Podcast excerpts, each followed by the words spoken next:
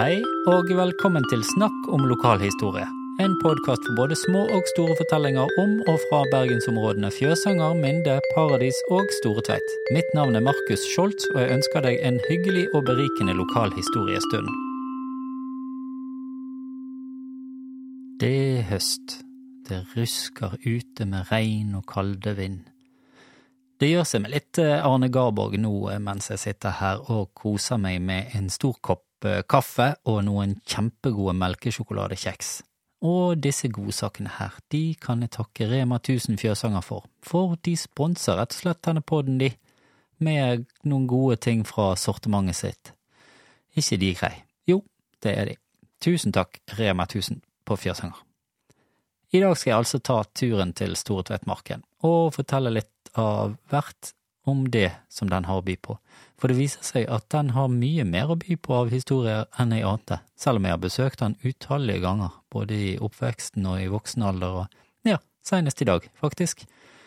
Og det er så inspirerende og givende å finne ut av så mye om nærområdene som jeg gjør ved å lage disse episodene, eller forarbeidet til disse episodene, og egentlig etterpå. For det kommer ofte ting, jeg eh, får høre ting av folk, og når folk har hørt episodene, så kommer de med enda mer som jeg kunne tatt med i denne episoden, eller det kan komme i Nei, jeg kunne ikke tatt det med i denne episoden siden jeg ikke har hørt det før etter episoden, men som jeg tenker jeg kan ta med i andre episoder, som enten jeg eh, kan knytte til nærområder der, eller jeg rett og slett kan lage en ny episode, for eksempel om Store Tvedtmarken, hvis det viser seg at det er mye å fortelle om som jeg ikke får fortalt om her for det kan jo fort skje. Så, men det er i hvert fall veldig, veldig gøy og inspirerende, så det håper jeg at du som lytter òg syns. Men nå skal jeg begynne med en liten ansvarsfraskrivelse. Nå høres det drøyt ut, men jeg skal forklare. Fordi at det som jeg forteller i dagens episode, og egentlig i alle episodene, da, det er jo litt fra egne minner, men òg veldig mye basert på forskjellige kilder som ikke går sånn veldig i sømmene på, men stoler på og liker Altså, jeg velger å betrakte de som såpass sanne at jeg kan videreformidle det. Eh, og det er jo, altså, skal jeg komme noen vei med litt sånn, la oss kalle det lettbeint lokalhistoriefortelling, så må det bli litt på den måten. Fordi det er jo ikke meningen at dette skal være et leksikon og et oppslagsverk og sånn, det er mer en sånn, ja, hva skal jeg si, en historiefortelling på litt muntlig vis og litt, ja, som jeg sa, litt lettbeint da. Og så, det er jo bare sånn at jeg får jo dekket bare et lite utvalg, for eksempel i dagens episode av Storetveitmarkens historie, eh, siden at jeg må jo lage en slags ramme på episoden, og da betyr det at det kan komme en seinere episode, som jeg snakket litt om i sted, kanskje komme en seinere episode med en, altså med en annen vinkling, eller fra en annen tid, et annet perspektiv, hvem vet. Sånn er denne podkasten, altså. Levende og foranderlig, og noe uforutsigbar. Men det, jeg tenker at det er greit å ha det sånn. Inntil videre, i hvert fall. I denne poden er jeg jo først og fremst ute etter å snakke om, og ikke minst høre om livet lokalbefolkningen har levd, både til hverdag og til fest, og hvordan vi alle har vært og er med på å gi steder og områder en historie, og hvordan steder og hendelser der gjør at man gjerne identifiserer seg med disse stedene og områdene. Så, ifølge kilder, her er noen kjappe fakta. Om Store Tvettmarken, altså. Det er, det er, faktisk fristende av og til å si Store Tveitmarkene, kjenner jeg, fordi at det er Det er liksom De er jo ikke sammenhengende overalt, det er jo litt oppdelt og sånn.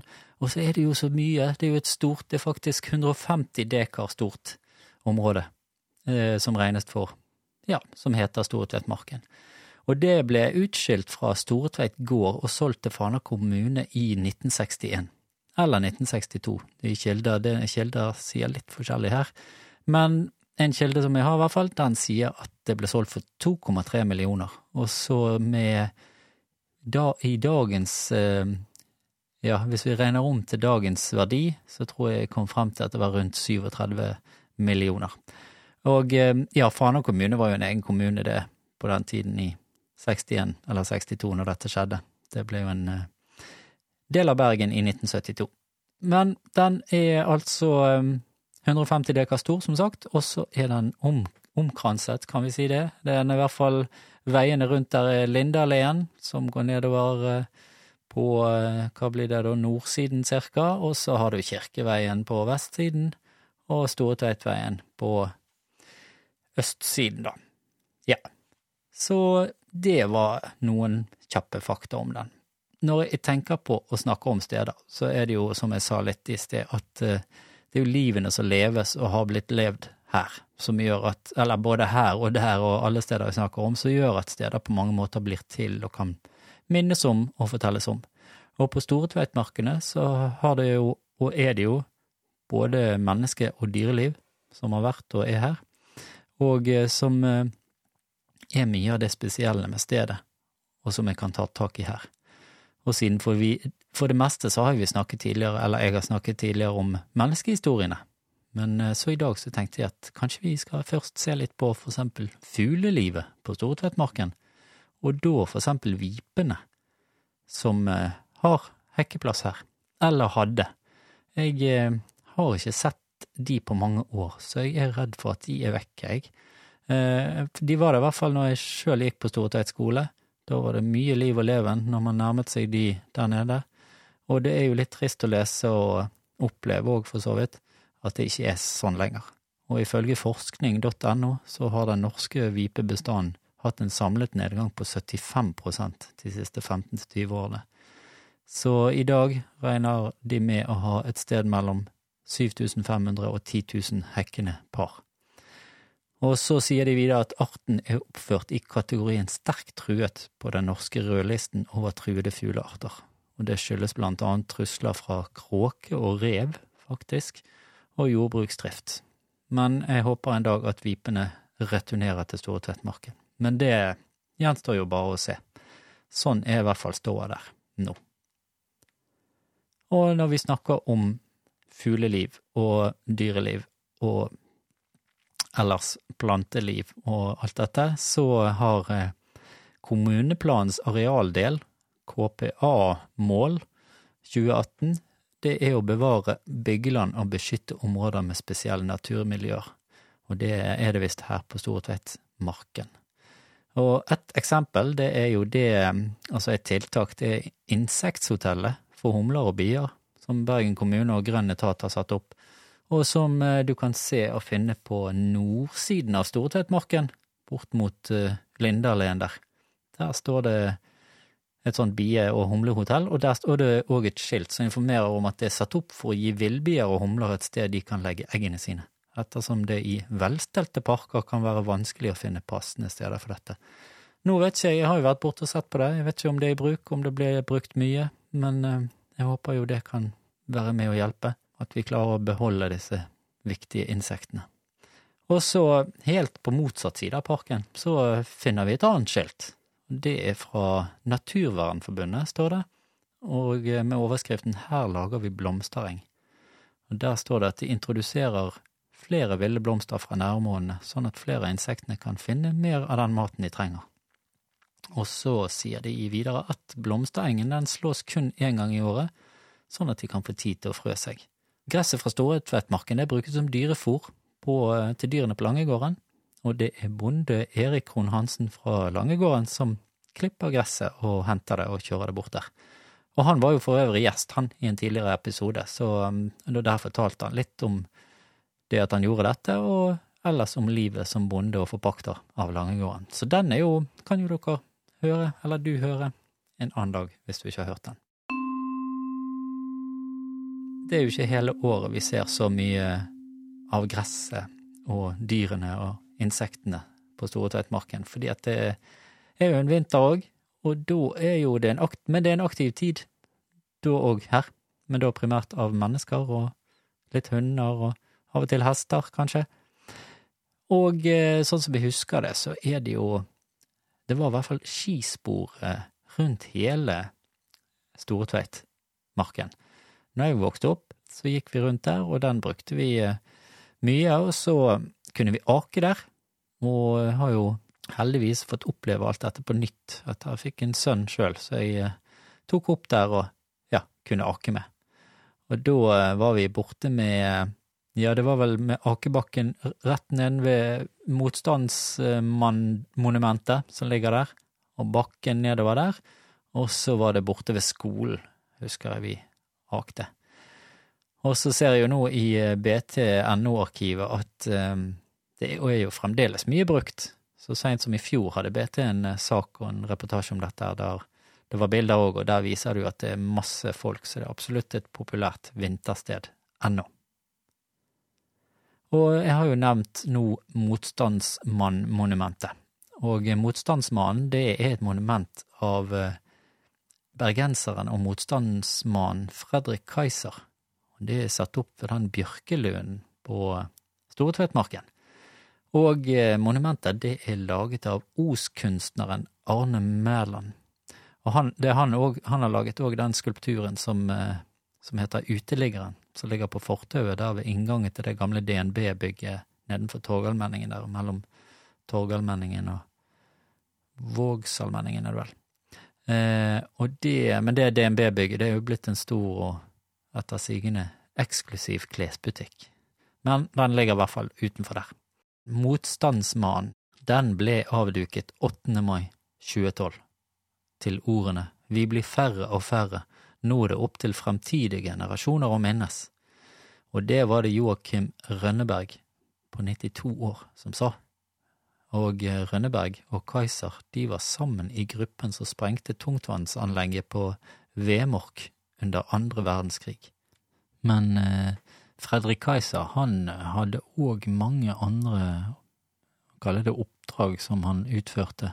Han levde forresten fra 1918 til 2009, og det står på en plakett rett ved, ja, ved statuen der, så står det en del eh, punkter som jeg kan eh, lese litt opp, og det var at han var frivillig i vinterkrigen, Finland 1940, felttog i Norge, Skjervet 1940, raidet mot Lofoten 1941, tungtvannsaksjonen på Vemork 1943, som jeg nevnte, ja, sabotasjeoppdrag med enmannsubåter, Måløy 1944, nestkommanderende i Bjørn Vest, ja, han slåss for Norges frihet, står det der, med utropstegn. Så han var, han var høyt dekorert òg for uh, sin krigsinnsats, og med ordener fra Norge, Storbritannia, Frankrike, USA, Finland og Sverige. Så uh, det er ikke rart det kom et monument her, nei. Speidergutt var òg friluftsmenneske og motstandsmann. Og så ligger det jo òg en eh, motstandsbro, eller Motstandsbroen, som det står skilt om eh, litt lenger nede, som går over en elv der, og eh, den ble åpnet i mai 2013. Jeg antar disse har med hverandre å gjøre, men jeg vet ikke så mye mer om den broen, for det var vanskelig å finne noe med noen kilder der, så hvis det er noen som har noe info om den, så tar jeg gjerne imot det. Det er i hvert fall en veldig fin bro, og ja, både å gå over og se på. Og det finnes flere minnesmerker på Store Tveitmarken, for det står ett òg i sørenden, og det er en 1,9 meter høy bauta med bronserelieff av motstandsmannen FW Ribermoen, og FW det står for Fredrik Wesenberg. Den sto opprinnelig i Paradiskrysset, den, og var reist der i 1947, men så ble han flyttet til Store Tveitmarken i 1983. Hvor han sto i Paradiskrysset, det vet jeg ikke, så hvis det er noen som vet det, så jeg tar jeg gjerne imot info om det òg. Men på den står det i hvert fall innskrevet at han døde for fedrelandet i tysk fangenskap, og det var i 1944. Han var født i 1892, og under der igjen så står det skrevet Vær uforferdet i faren, ydmyk i lykken, modig i nøden, frimodig i døden. Fredrik Wesenberg Ribermoen han var òg meget aktiv han i speidingen i Bergen i 20- og 30-årene, og han var kretsleder i to perioder i Bergen krets, og i tillegg var han aktiv i oppstarten av Norsk Speiderpikeforbund på starten av 20-tallet. Og så var han eh, Rover Commissioner for Norsk Speiderguttforbund fra 1929 og han fikk Sølvulven for sin innsats. Aktiv kar, dette her, altså. Og kunstneren av dette monumentet, minnesmerket, det er laget av billedhuggeren Sofus Madsen. Og han jo, har jo laget veldig mye av de skulpturene som vi kan se rundt om i Bergen. Og eh, fun fact, det var han som laget bysten av Jakob Setre, som står ved Eikelund skole, som jeg fortalte om i episode fem, som var min oldefar sin bror. Og så var det en, eh, ikke et minnesmerke, men det var en statue av kong Haakon den syvende, som sto på Storetveitmarken, og du kan se spor av eh, at den har stått der rett nedenfor motstandsmannen-statuen. Der er det en sånn betongfirkant som står igjen der, like ved noen benker som står der. Og den ble reist i 1972 der, men etter mye diskusjoner, har jeg skjønt, og frem og tilbake, om plasseringen var Noen satte, satte et spørsmålstegn ved plasseringen av den, så flyttet de den til Bergens husfesting, Bergen husfestning i 1983. Og billedhuggeren her var Ottar Espeland. Og så har vi da Nasjonenes park. Og dette er området som ligger i den sørligste enden av Storetvettmarken, ganske stort område der. Og den parken den skal være et merke for internasjonale hendelser som retter oppmerksomhet mot menneskerettigheter. Så der er det mye symbolikk og eh, sånne ting. Det skal jeg fortelle litt om.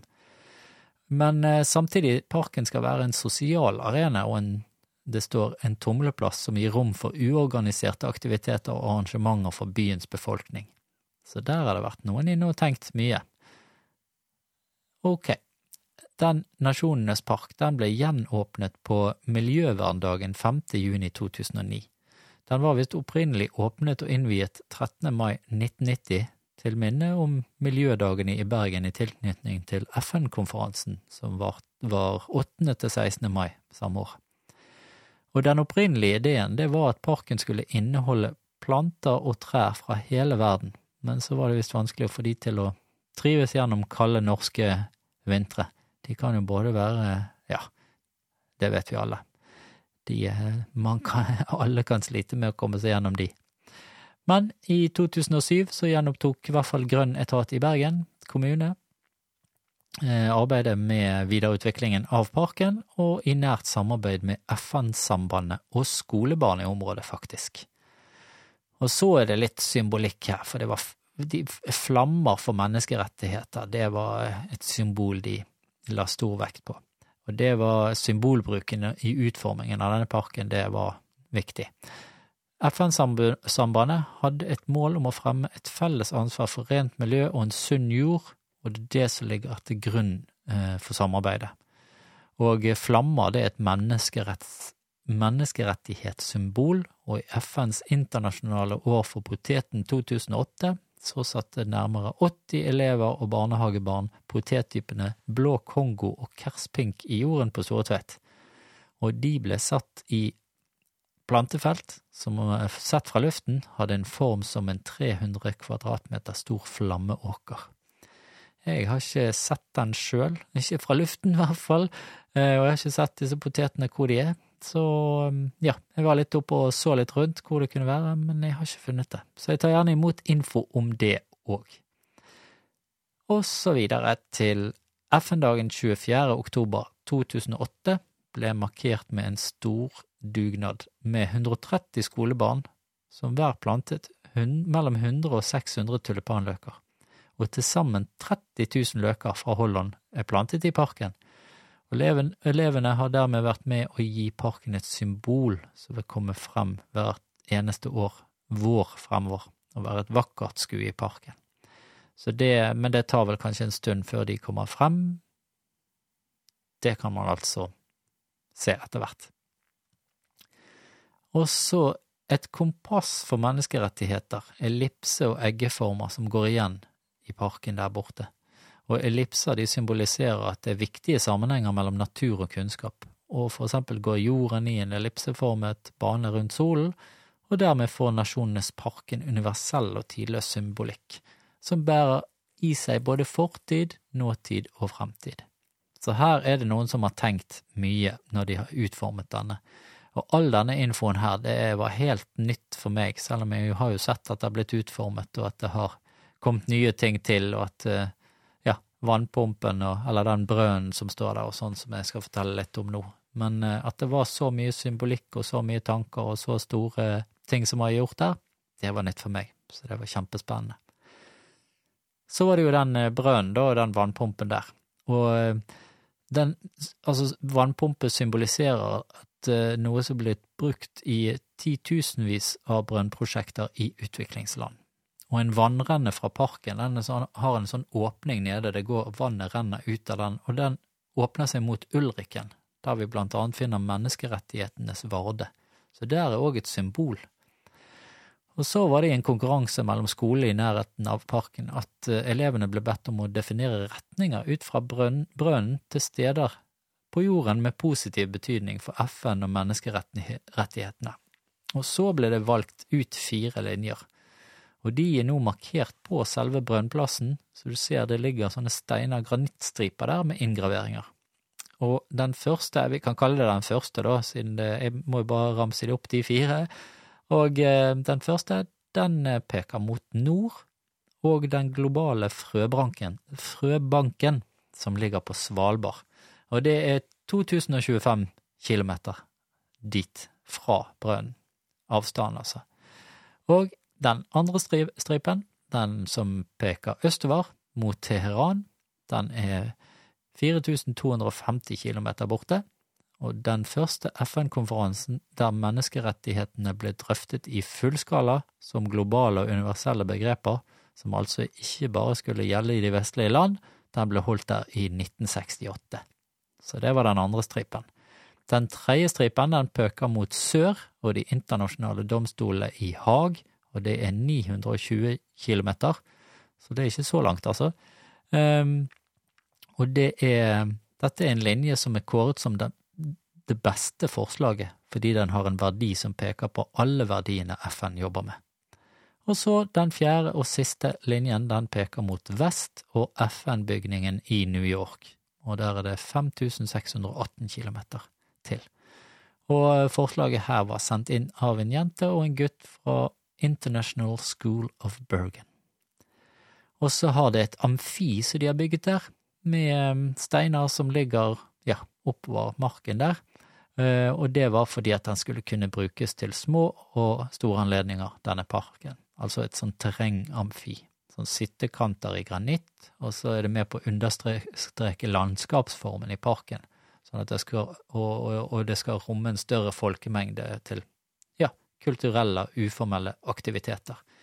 Nå jeg, vet jeg ikke om det har vært noe mye av det der oppe og brukt det. Vi har i hvert fall eh, vært der noen ganger og brukt det med ja, besøkt det med på, i skoleavslutninger og sånne ting, og at det er veldig kjekt der. Men eh, nå er det enda kjekkere, i hvert fall for meg, å vite at det ligger så mye arbeid og så mye tanker og symbolikk og ja, kaller det filosofi og estetikk bak dette.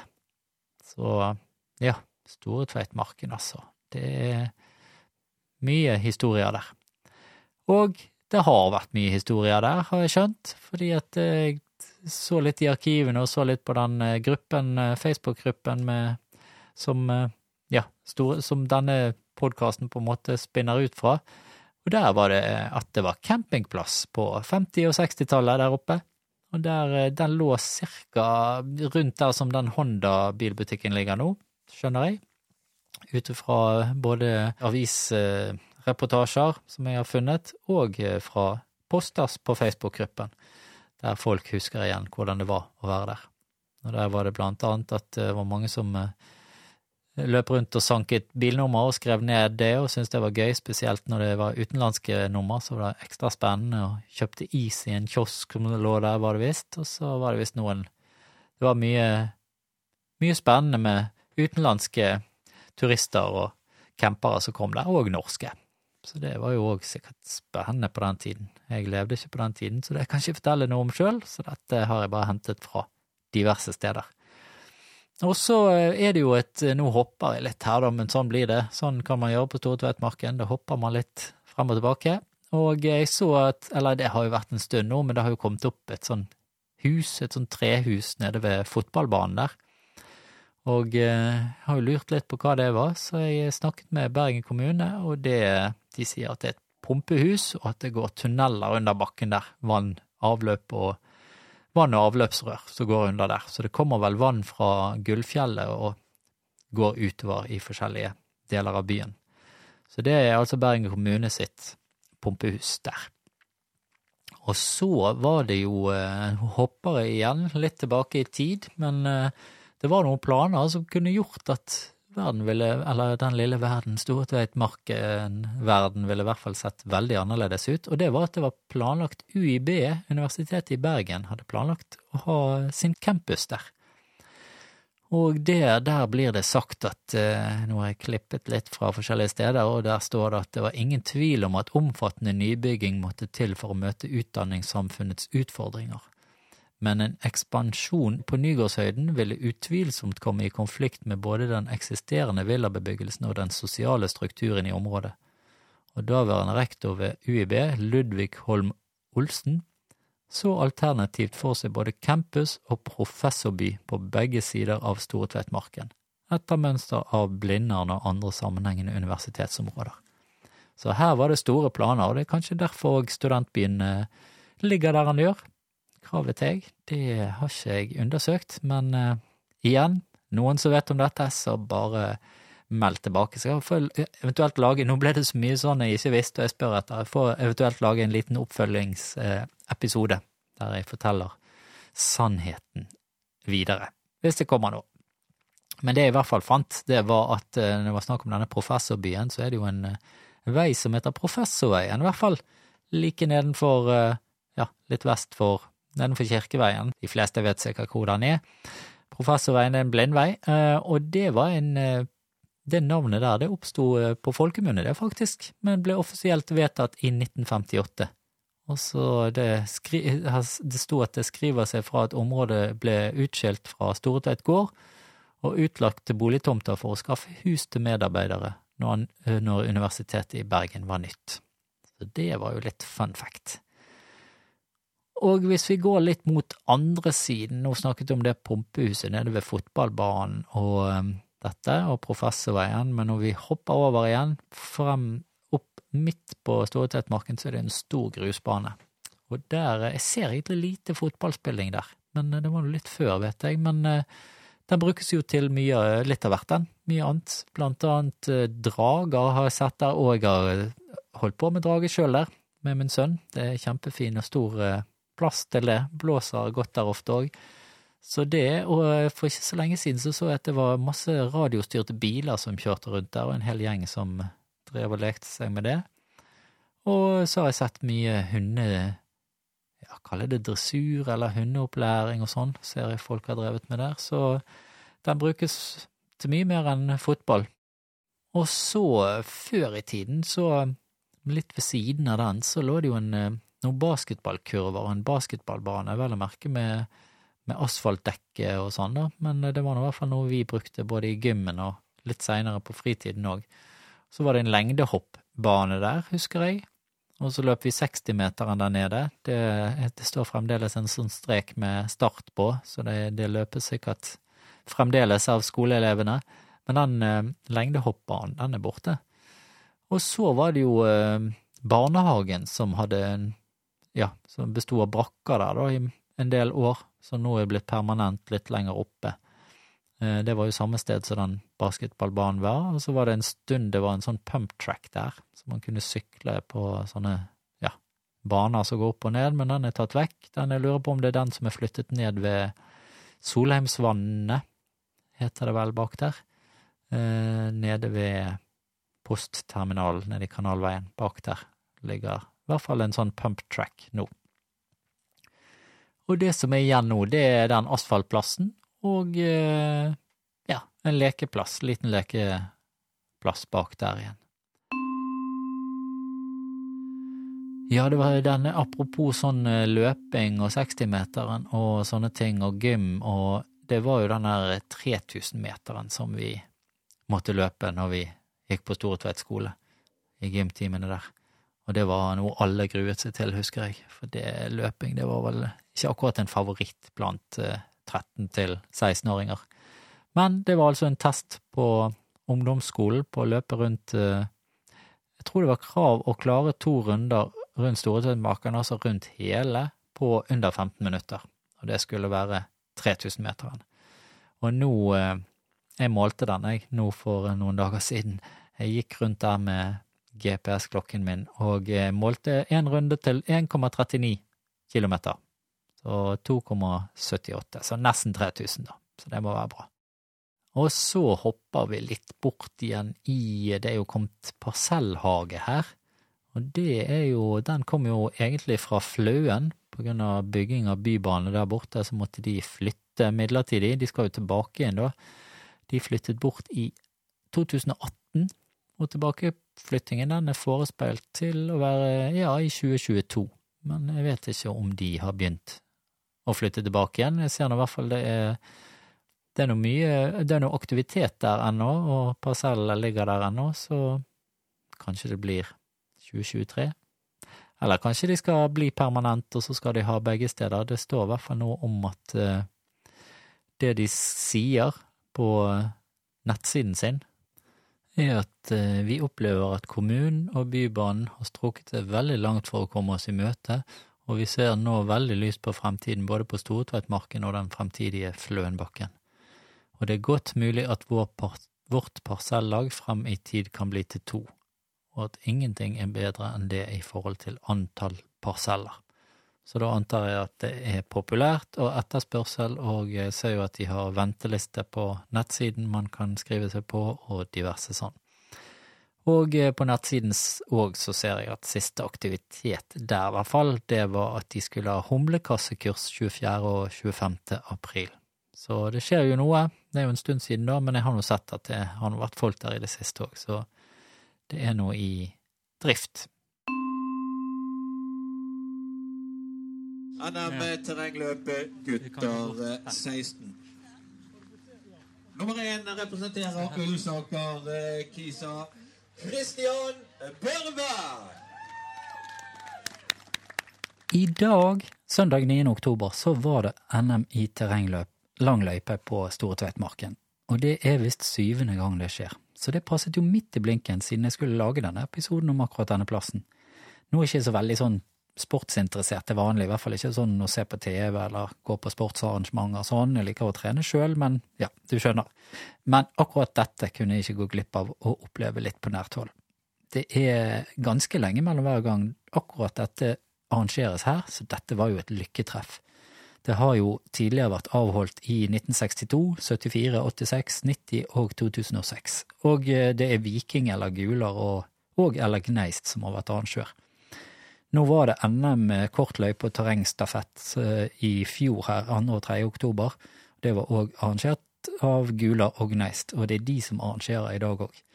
Så eh, ja, måtte ta turen oppom der, rett og slett, og sjekke ut dette her. Da er Vebjørn, min sønn, og meg på vei til NM i terrengløp på Storetveitmarken. Ja. Det blir spennende, fordi at eh, jeg hadde jo planer om å skrive om Storetveitmarken. For eh, ja, en uke eller to siden så begynte jeg å tenke på at det var et sted man kunne skrive litt om. Og så eh, var jeg der borte for noen dager siden, og ja, tok meg en løpetur. og så, Jeg pleier av og til å være de stedene jeg skal skrive om, eller ikke skrive om, men fortelle om og ha med i episodene. Da pleier jeg å besøke stedet sånn ja, litt før og hente litt sånn ny inspirasjon og kanskje se litt ekstra etter ting som jeg kan fortelle om. Så var jeg der borte, og så så jeg plutselig at det sto NRK-biler der. Og, og så spurte de som var der, hva er det som skal skje her? Og da fikk jeg vite at det skal være NM i terrengløp. Det passet jo veldig bra, siden jeg akkurat skulle skrive om Nei, skrive om, jeg sier det hele tiden. Jeg skulle fortelle om, eller ha en episode om Stortveitmarken. Ja. Så da tenkte jeg det blir et gøy segment å ha med, fordi at eh, da blir det litt fortid, og så blir det veldig aktuelt og nåtid. Mm. Kanskje vi skal melde oss på til neste år. Ja. ja. Hvis jeg ikke har like vondt i ankelen som jeg har nå. Ja, det er sant. Nå, eh, Vebjørn her, han uh, gir av seg sjøl nå for å være med på dette. og jeg setter veldig pris på det. Tusen dere, takk. Da må dere som hører på, være takknemlige. ja, må være, de må være ekstra takknemlige i dag. Ja. Og nummer tre dessverre ikke til stede her under eh, premieutdeling, men han fortjener litt hyllest òg. Dagfinn Gjerstad! Representerer Osterøy. Er det noe du lurer på om Storeteitmarken? Har du brukt, har du noen minner fra Storeteitmarken? Uh, ja, jeg og klassen min har jo hatt sånn klassesamling der et par ganger. Ja, nettopp. Hva har dere gjort da? I skoletiden, eller? Eh, nei, ikke i skoletiden. Det var sånn Tror vi har vært der på noen sommeravslutninger og noe greier. Ja. Og noen bursdager. Ja. Ja. Så har vi vært samlet rundt eh, brønnen, da, sant? Eller den med, den med vannpumpen og ja, og da har alle gutter konkurranse om å få mest vann ut av den brønnen. Nettopp. Ja, den, den krever litt eh, både styrke og utholdenhet. Ja. Litt sånn som de som skal løpe i dag. Fordi det tar litt tid før det faktisk kommer. Det gjør det. Og eh, sølvmedalje representerer Snøgg friidrett. Vebjørn Hovdejord. Oi! Vebjørn? Hovdejord. Unnskyld? Hei, jeg så du var fra Gneist. Ja, det er meg. Dere som arrangerer det her Ja, med Gular. med Gular. Så gøy. Jeg oppdaget tilfeldigvis Greien er at jeg holder på å lage sånn lokalhistoriepodkast om området her. Ja. Så var jeg ute en tur og skulle skrive om Stortveitmarken Ja. forrige uke. Plutselig kom jeg her før helgen og så NRK, så jeg tenkte hva er dette? Ja, ja. Spurte de og hørte om dette. Det er fantastisk. Terrengløp, ja. Dette her er jo terrengløpsområdet til Bergen. Ja. Det er her vi arrangerer terrengløp. Hver, hver eh, altså Så ja, nå snakker pappa med Ja. Men dere, dere har det litt rundt om i landet, eller? Ja, dette er Så det går på rundgang? Ja, så Ja. dette er norgesmesterskap. Ja. Ja. Så neste gang så kan det være hvor som helst i landet. ja. Jeg tenker liksom terrengløp, da må man ut i skogen. Men det er bare det at det er kupert og Så skal være i terrenget, altså ikke ute i skogen, det er orientering. Ok, ja. ja, det må være det. Ja, det er orientering ute i skogen. ja, ja, ja. For vi skal helst ha litt sånn gjørmete åker og eng og sånn, vet du. Nettopp. gjerne med litt vind og regn og sånn. Litt sånn kjenne på elementene. ufyselig. Ja, ja, ja. Herlig. Bergen, Bergen tilfredsstiller alle kravene. ja, det er bra. Oi, wee! Yay. Og der er vi i gang med kvinner seniorer og eh, veteran 30 Og da tenker jeg òg at vi kan gå ut med et smell, og la Storetveitmarken få hvile etter en ganske så innholdsrik dag og tid. Tusen takk til deg for at du valgte å lytte til akkurat denne podkasten. Og eh, vil du varsles når nye episoder kommer, så kan du bruke følg-funksjonen i podkastprogrammet du bruker. Og gi meg gjerne din vurdering og eller en kommentar hvis du vil det, og tips gjerne dine kjente og kjære om denne podden. Og så kan du besøke snakkomlokalhistorie.no for mer info, lenker og kontaktinformasjon, og etter hvert litt bilder og sånne ting. Det ligger, eh, Planen er at det skal ligge mye som hører til denne podkasten der ute. Og du, husk, ingen historie er for liten eller for stor, så si ifra om du òg vil dele noen ord. Ha det bra så lenge, og på gjenhør.